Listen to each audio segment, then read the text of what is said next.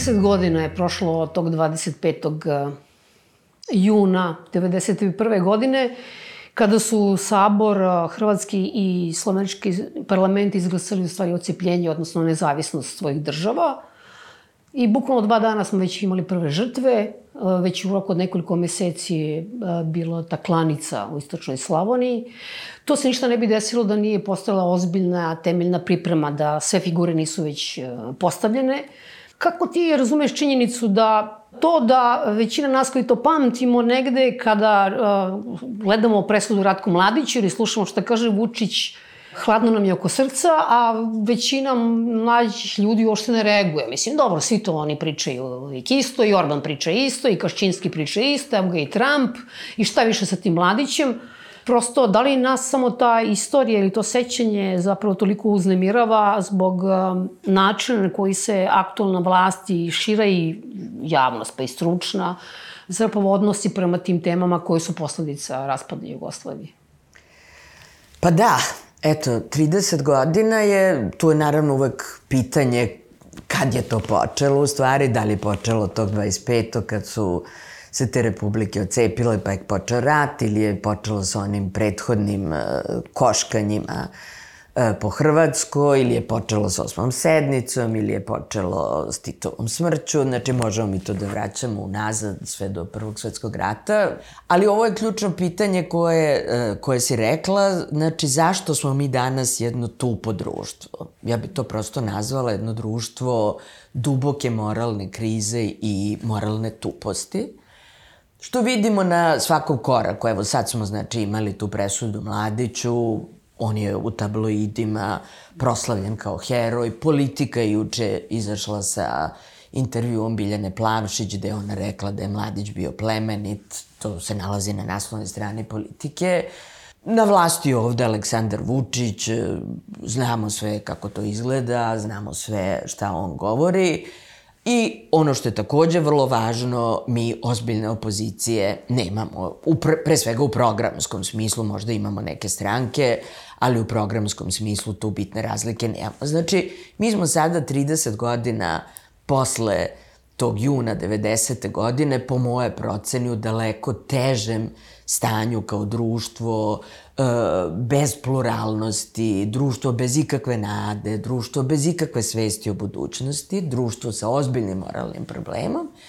Mislim da je glavni, glavni uzroci su upravo u tom ratu, u svesti o tim, od ipak dubinskoj svesti o tim zločinima A e, uzroci tih ratova su onda još daleko dublji, dakle ti ratovi su možda počeli u junu 90. ali njihova dubinska priprema kreće bar 10 godina ranije. I e, u tom smislu smo mi jedno društvo tuposti već 40 godina. I ako vi 40 godina ili 50 godina živite u jednom sistemu mišljenja, živite u jednom E, političkom mentalitetu, e, tu je ozdravljenje stvarno vrlo teško, posebno u društvima slabim kao što je naše društvo. Znači, postavlja se pitanje kad su krenule te mentalne pripreme za ratove. Ono što mi precizno možemo da utvrdimo, to je e, pre svega Titova smrt, to je kriza na Kosovu 81. godine i to je prvo, prvi izlazak u javnost 21 sveštenika koji su 82. godine u crkvenoj štampi postavili pitanje e, ustavnog preuređenja Jugoslavije, a ustavno preuređenje je naravno samo samo maska za e, ratni program, ujedinjenje svih zemalja u kojima su, na kojima su živeli Srbi. Prema tome, to je 82. već postavljeno potpuno otvoreno. Ono što je mene kao istoričarku naravno e, još više zanimalo, to su te mentalne pripreme kroz zloupotrebu istorije. I e, naravno kada govorimo o istoriji, onda najmanje govorimo o istoričarima i o naučnoj historiografiji, nego govorimo o svim tim što danas zovemo agentima sećanja, dakle o svim tim nosiocima sećanja koji u javnosti stvaraju određenu atmosferu, ili ono što John Lamp, istoričar, zove vazduh koji dišemo. Dakle, tu jedno, jedno okruženje koje odjednom zavlada svuda oko nas. Dakle, imamo prvo to saopštenje e, najvažnijih crkvenih velikodostojnika. 82. godine imamo predstavu Golubnjača, E, za one koji ne znaju, to je bila predstava e, po tekstu Jove Radulovića o jednoj od e, ustaških jama. Predstava je trebalo se odigra u Novom Sadu, tamo je bila zabranjena, prebačena je u Beograd i tom zabranom je ona još dobila dodatni oreol i ona je postala kultna i pre nego što se odigrala. A ta predstava je otvorila pitanje e, nezavisne države Hrvatske, srpskih žrtava, u toj tvorevini i e, otvorila je jedan način o kome ću kasnije mnogo više govoriti, na koji mi od tada vidimo istoriju, a vidimo je isključivo sa pozicija večane žrtve. Iste 82. godine izlazi roman Vuka Draškovića Nož, koji otvara jedno drugo pitanje drugog svetskog rata, pitanje odnosa pa, partizana i četnika i u stvari pokreće rehabilitaciju četništva koja će se kasnije pa sve do danas pretvoriti u rehabilitaciju svih kolaboracionističkih snaga i potpuno potiskivanje antifašizma. 83. godine kreće revizija Prvog svetskog rata i to je ključno da se razume da su ta dva događaja e, presudna zato što je u njima stvorena prva Jugoslavija i druga Jugoslavija Dakle, revizijama tih ratova u stvari potpuno revidiramo Jugoslaviju i rušimo sve temelje Jugoslavije. Te 83. godine desila se još jedna pozorišna predstava, to je e, predstava e, Kolubarska bitka, napisana, e, urađena dramatizacijom deset godina starijeg romana Dobrice Ćosića Vreme smrti. Možete da vidite na YouTube-u snimak te predstave ali više manje predstava, e, ono što se dešavalo u sali, ono što se dešavalo sa publikom, govori o tome da je nacionalistički trans već bio duboko ukorenjen, jer to nije imalo gotovo nikakve veze sa pozorištem. Pred, publika je skakala, vikala, navijala, plakala. Publika koja je izlazila sa te predstave, koju su novinari pitali, govorila je da su oni ušli u bitku, da su oni ušli u svetilište i to jeste zaista bilo svetilište nacionalizma. Te predstave 82. 83. Golubnjača i Kolubarska bitka, one su na neki način cementirale taj novi narativ o Srbima. Ono što je nekada bila pobeda, dakle pobeda u Prvom svetskom ratu, pobeda u Drugom svetskom ratu, sada je već prepevano u poraz. Dakle, sve te srpske žrtve sada su postale suvišne, pogrešne, to je vek koji mi nismo razumeli, kako kaže Dobrica Ćosić, i to stvaranje Jugoslavije je e, nešto što je odredilo ta oba svetska rata kao odjednom poraz te heroje koje smo nekada slavili iz Prvog i Drugog svetskog rata i oni su na neki način gurnuti po tepih, naročito ovi iz Drugog svetskog rata i na mesto heroja došle su žrtve. Dakle, heroje smo zamenili žrtvama, pobede smo zamenili porazima i stvoren je jedan dubok i čvrst temelj za jednu paranoidnu, uh, autarhičnu, autističnu, e, ideju o našoj prošlosti, a samim tim i o našoj sadašnjosti. I samim tim postaje jasno kako je bilo moguće da, roman o, da knjiga o Milutinu, koja je izdata 85. godine, dakle dve godine posle Kolubarske bitke, za godinu dana bude prodat u 500.000 primjeraka, da doživi 17 izdanja u godinu dana, da postane najčitanija knjiga svih vremena ovde, jer taj Milutin, ili kako su ga od milja zvali sve srpski deda, postaje upravo ova ploćenje svega ovoga što je već bilo pripremljeno. Dakle, on je ta apsolutna žrtva, on je taj promašeni čovek, koji stalno žrtvuje svoj život, stalno za pogrešne ciljeve, stalno za druge narode, koje on izvlači iz njihovog nesrećnog položaja večitih gubitenika, on ih kao Srbin prebacuje na stranu pobednika, on je taj koji na kraju strada od komunističke ruke, čime se uvodi sada još jedno, još jedan faktor žrtvovanja, sada žrtve 44. 45. godine od strane pobednika. Tu sada već imamo kult smrti kao apsolutno domina, dominantnu ideju u našoj prošlosti, sadašnjosti i budućnosti. Tu već sad imamo duboko, u, duboko ubačen strah, strah od svih okolnih naroda, Milutin ima stereotipe za svaki od naroda, svi su nas oni napadali kad je bilo najteže, svi su oko nas neprijatelji, mi smo taj isti model pronašli kod Hrvata, kod Bugara, kod Bošnjaka, Albanaca, dakle svako je proizveo tu paranoidnu sliku, svako je napravio stereotipe o susednim narodima, svako sebe vidi isključivo kao žrtvu, daleko od toga da je to samo ovdašnja paranoja, ali nas pre svega naravno interesuje ovdašnja paranoja i interesuje nas zato što ova hronologija pokazuje da je to ovde ipak krenulo daleko ranije nego u drugim republikama. Slovenci nisu mnogo kasnili. Slovenci izlaze sa novom revijom i sa svojim paranoidnim predstavama o Slovencima kao žrtvama, onima koji plaćaju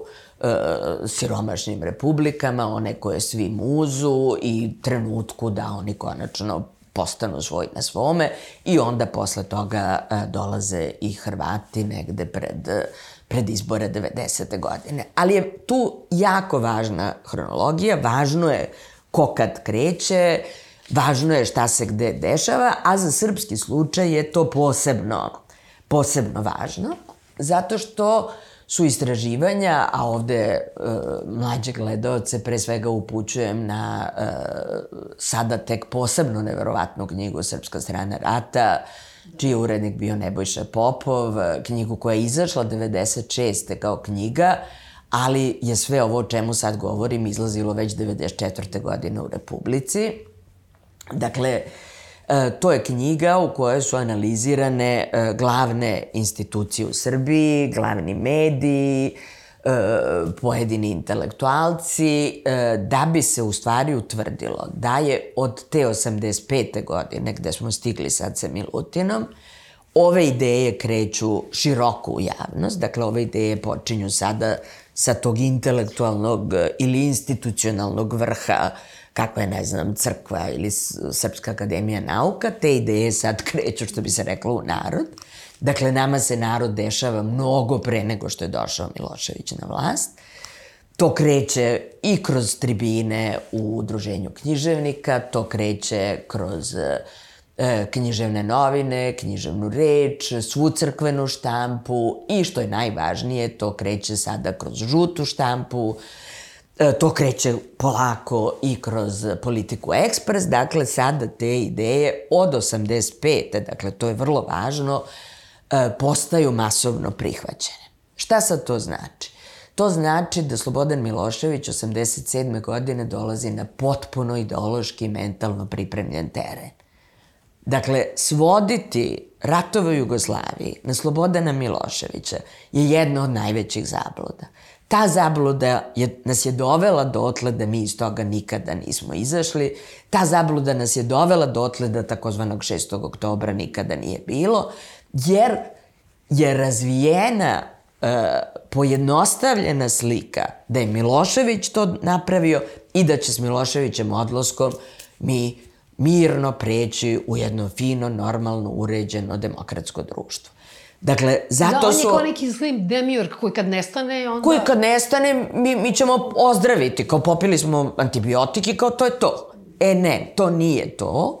Upravo su zato važne ove analize i ove hronologije, zato što se onda vidi da Slobodan Milošević dolazi kao izvršilac, on je tu samo odabran da taj program sprovede, da ono što je takođe vrlo važno i što je još jedan od stereotipa, to nema nikakve veze s padom Berlinskog zida. Znači ovde se govori, pa da, pa to je eh, taj potpuni raspad sistema, kraj hladnog rata, e, samo smo mi tada krenuli u pogrešnu smeru. Ne, mi smo dve godine ili deset godina ranije krenuli u tom pogrešnom smeru, kada niko nije mogao da predvidi nikakav kraj hladnog rata i nikakav raspad istočne Evrope.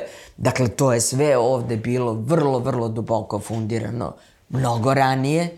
Ta priča o toj mentalnoj pripremi, o e, toj slici prošlosti koja je poslužila da bi se u ovom društvu stvorio jedan paranoidni strah, da bi ovo društvo ispalo iz okruženja, ispalo iz Evrope, ispalo iz sveta, da bi ovo društvo počelo drugčije da meri vreme, da ovo društvo više ne zna uopšte kuda ide. To se sve desilo deset godina pre Miloševića i u tom smislu je to nadživelo Miloševića i u tom smislu je to vrlo važno da bismo razumeli uh, gde se mi danas nalazimo i zašto se mi danas nalazimo. Sledeća faza su naravno e, ratovi koji su počeli, koje Milošević suvereno vodi i sad se tu postavlja pitanje e, gde je tu bila alternativa. Dakle, da li je bilo alternative i e, zašto mi ne možemo iz svega toga da izađemo. E, odgovor na pitanje da li je bilo alternative može da se vidi sada ako sa ove analize intelektualaca pređemo na analizu e, opozicijonih stranaka od trenutka kada su one nastale i kada slika e, se još dublje fundira u ovu tragičnu izgubljenost srpske javnosti i kada vidimo da alternative gotovo nije ni bilo. Znači, ako pratimo te prve stranke, to bi bila recimo prva stranka koja je osnovana, Srpska narodna obnova, koju su osnovali Šešelj i Drašković početkom januara 90. godine. Dakle, od programa te prve stranke, preko programa Srpskog pokreta obnove, demokratske stranke, do Srpske radikalne stranke, mi ćemo videti da je u stvari to jedno apsolutno programsko jedinstvo, jedino što je to izgovoreno drugčijim narativima, drugčijim diskursima, drugčijim naglašavanjima, drugčijim terminologijom. Ali, šta je program? Program je pod jedan, da Jugoslavija mora da pretrpi dubinske promene i jedino Srpska radikalna stranka uopšte nema ideju da Jugoslavija treba da opstane, dakle oni od početka idu na ovaj, Karlova, Karlovac, Viroviticu i to je kod njih jasno. Kod drugih stranaka, znači imamo e, pod jedan da se Jugoslavija mora reorganizovati i to da se mora reorganizovati stvaranjem autonomija tamo gde žive Srbi. Dakle, de facto dobijamo ove kasnije krajine koje smo i dobili. U slučaju da Jugoslavija ne opstane, i sad to kažu svi, u slučaju da dođu do ocepljenja, Oni jasno svi kažu, krajevi u kojima žive Srbi treba da ostanu u sastavu te buduće neke države, pa sada neko izgovori da to treba da se zove Srbija, neko to ne kaže, nego to na neki način zavija, ali tu zapravo nema nikakve razlike od programa Slobodana Miloševića koji se zvao da svi treba, Srbi treba da žive u jednoj državi. Ni on nikada nije rekao Velika Srbija, ali je vrlo otvoreno rekao šta to znači. I svi su vrlo otvoreno rekli, evo ja, ja sam donela uh, nekoliko tih e, izvoda iz tih programa, gde recimo uh, Srpski pokret obnove govori isključivo o jamama i gde govori da su granice tamo gde su srpske jame i da taj budući referendum na njemu moraju da glasaju i svi oni koji su pali u genocidu u nezavisnoj državi Hrvatskoj. Demokratska stranka nekim drugim jezikom kaže ako te republike odu, kažu oni, ne mogu povesti sa sobom delove naseljene Srbima i nema većeg prava nego da e, ti ljudi žive u zajedničkoj državi. Prema tome, to je jedinstven program. Ono što je sada važno, to je da su ti da su intelektualci o kojima smo govorili s početka 80. godina, to su intelektualci koji su napravili opozicijone stranke. Dakle, to je taj program koji je postojao pre Miloševića. Kriza nastupa uh, u trenutku kad Milošević dolazi na vlast. I mi vrlo jasno možemo da vidimo da od 87. kad on dolazi na vlast, ti intelektualci njemu predaju taj program u ruke. I oni to otvoreno govore. On je sada došao tu, on može da sprovede naš program. I ta neka idila i što bi oni rekli simfonija vlada negde do kraja 89. godine kad vide da je on jedan autoritarac, da on jeste uzeo njihov program, ali da on ne računa na njih u kadrovskom smislu reči i da je njima jedino što sad mogu da urade, to je da osnuju političke stranke i da sada oni dođu na vlast i da oni taj isti program sprovedu. I to je ta fatalnost ove situacije. Oni osnivaju političke stranke, dolaze do prvih izbora 90. Pobeđuje naravno Milošević, jer zašto bi sad pobedili oni koji imaju isti taj program, ali nemaju iza sebe ni državu, ni vojsku, ni policiju, dakle on je daleko ubedljiviji u tome da će taj program bolje sprovesti. Oni te izbore gube, oni gube sve buduće izbore i oni, tako reći, nikada taj program ne, do, ne dovode u pitanje. I oni ne mogu taj program da dovedu u pitanje. To je sad ključno za nas danas. Jer oni su napravili taj program. Oni, kad kažem intelektualci, intelektualna, e, crkvena i svaka druga elita. Oni su tvorci tog programa. Milošević je egzekutor, on je taj program uzeo i, i pokušava da ga sprovede ratovima, zločinima, nasiljima, genocidom.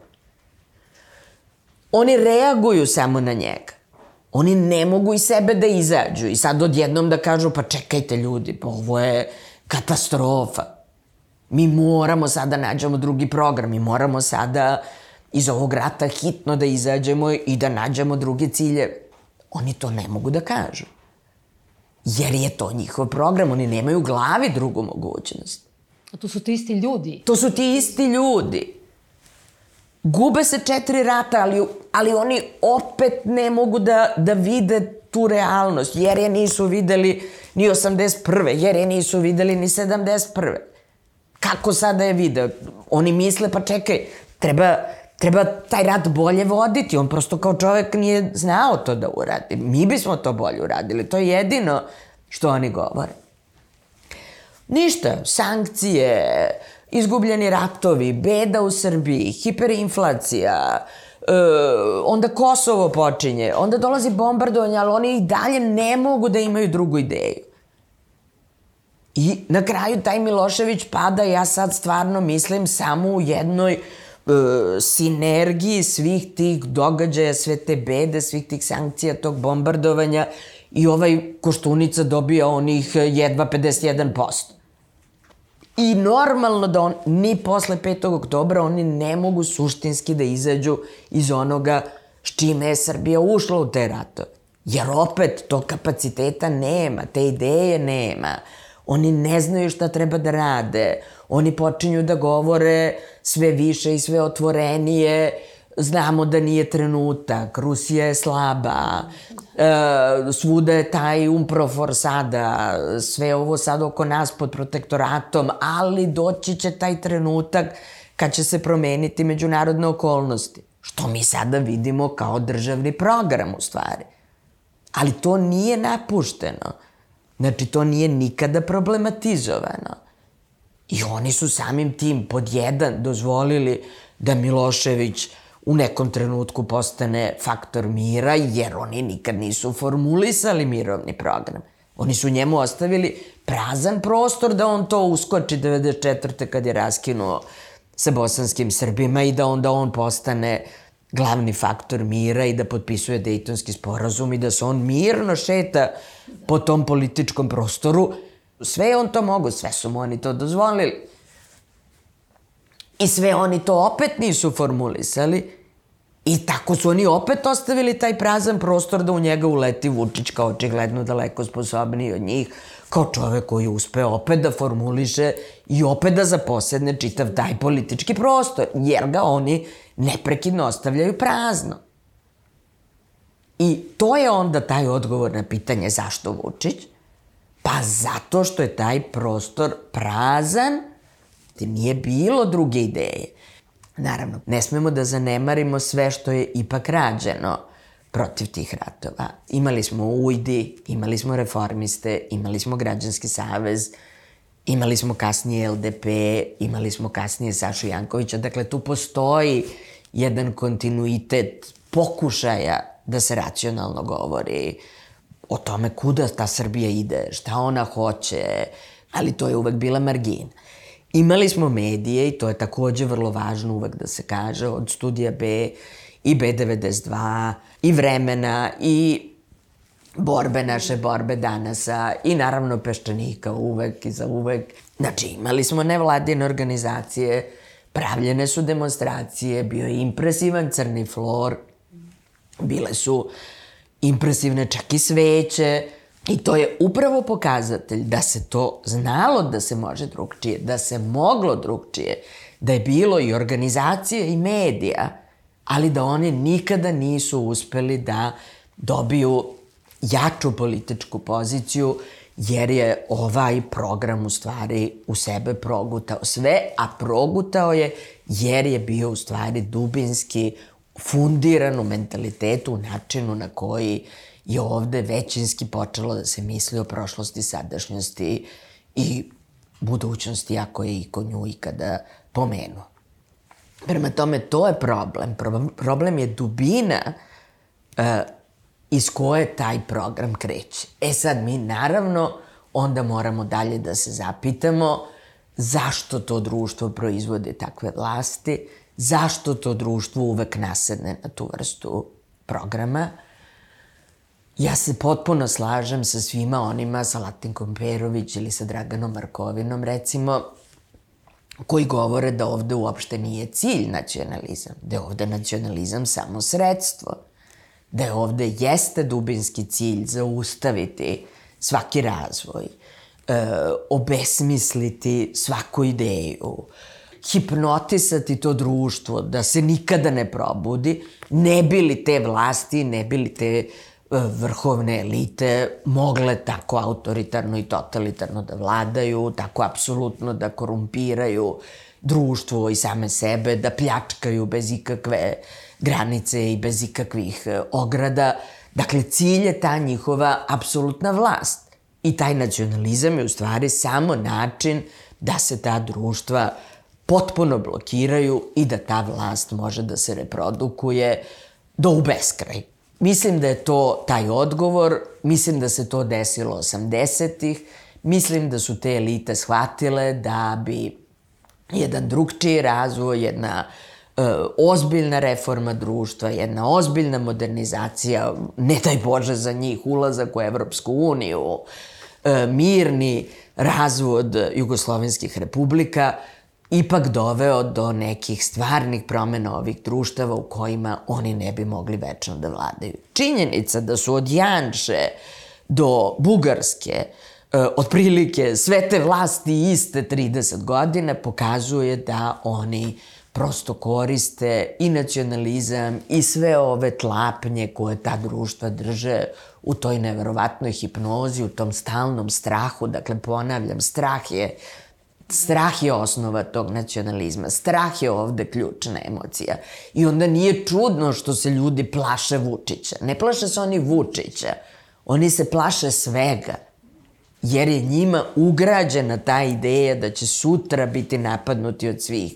Da će sutra oni biti genocidirani. Da će oni sutra ponovo biti te najveće istorijske žrtve kao Milutin, kao u Prvom svetskom ratu, kao u Drugom svetskom ratu. Dakle, da se ta istorija njima neprekidno ponavlja kao neka letnja oluja. Dakle, to je ono što je dubinski nekako ubačeno ovde u kolektivnu svest i onda je normalno da iz te kolektivne svesti nema empatije sa mladićevim žrtvama, onda je normalno da on može da bude heroj, onda je normalno sve što se ovih dana pisalo zato što je to društvo u jednoj teškoj paranoji, u jednom zapravo teško bolesnom kolektivnom stanju iz kojeg uopšte ne vidi realnost, ne može da doživi empatiju sa ubijenom decom, sa ubijenim srebreničanima. Ne može, no, ne može više i sebe da proizvede tu vrstu emocije, jer on u stvari samo žali sebe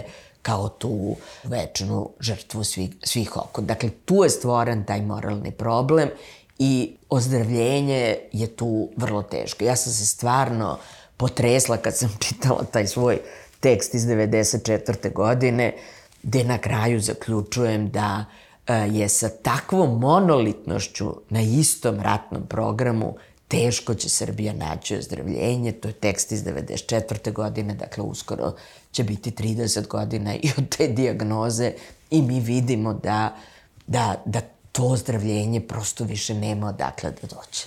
Da li se ti sećaš momenta kada, kad si znala da, da nema više Jugoslavije?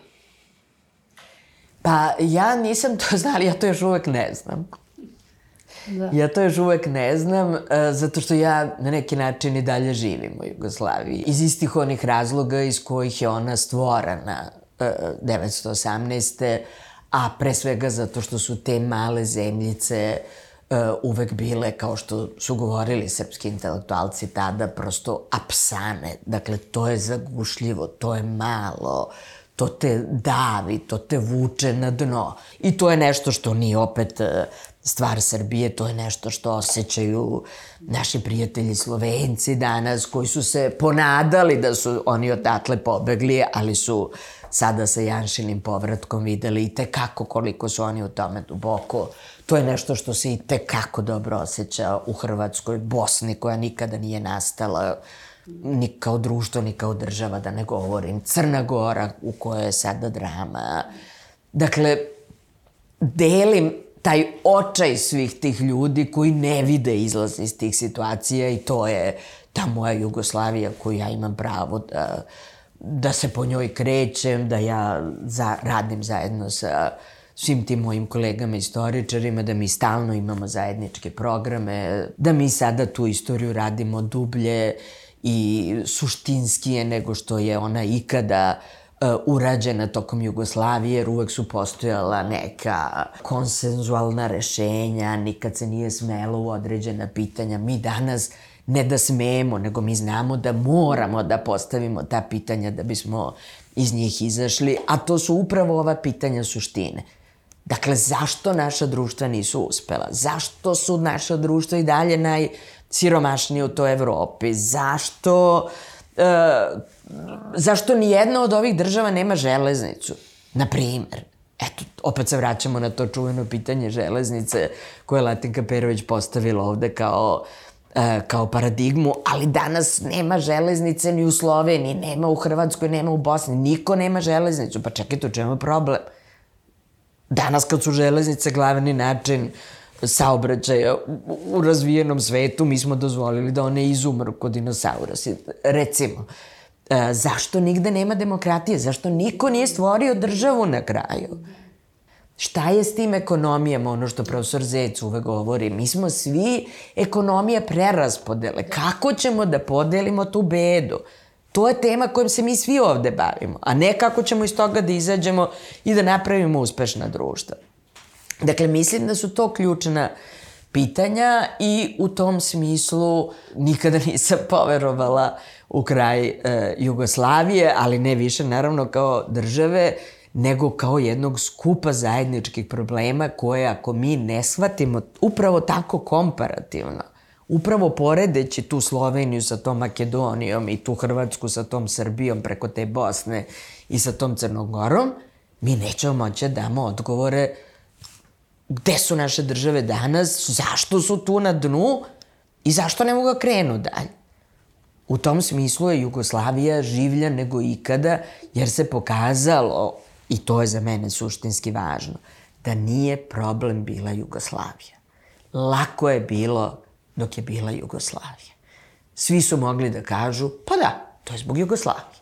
Slovenci su mogli da kažu, pa da, mi plaćamo Kosovo i Makedoniju, hoćemo se rešimo tog balasta i da procvetamo. Srbija mogla kaže, pa da, ne znam, muče Srbe svuda od uh, Hrvatske preko Bosne i tako dalje. Kad se mi toga budemo oslobodili, kad budemo napravili svoju nacionalnu državu, procvetaćemo, pa nismo procvetali. Dakle, svi sada mogu da kažu, ok, rešili smo se Jugoslavije pre 30 godina. Pokazalo se da su svi problemi ostali da su dakle problemi stariji od Jugoslavije, da su je svi nasledili, da smo mi živeli u mitu da je to sve zbog Jugoslavije, da će se sve njenim rušenjem rešiti, e sad moramo se suočimo svi sa samima sobom. You.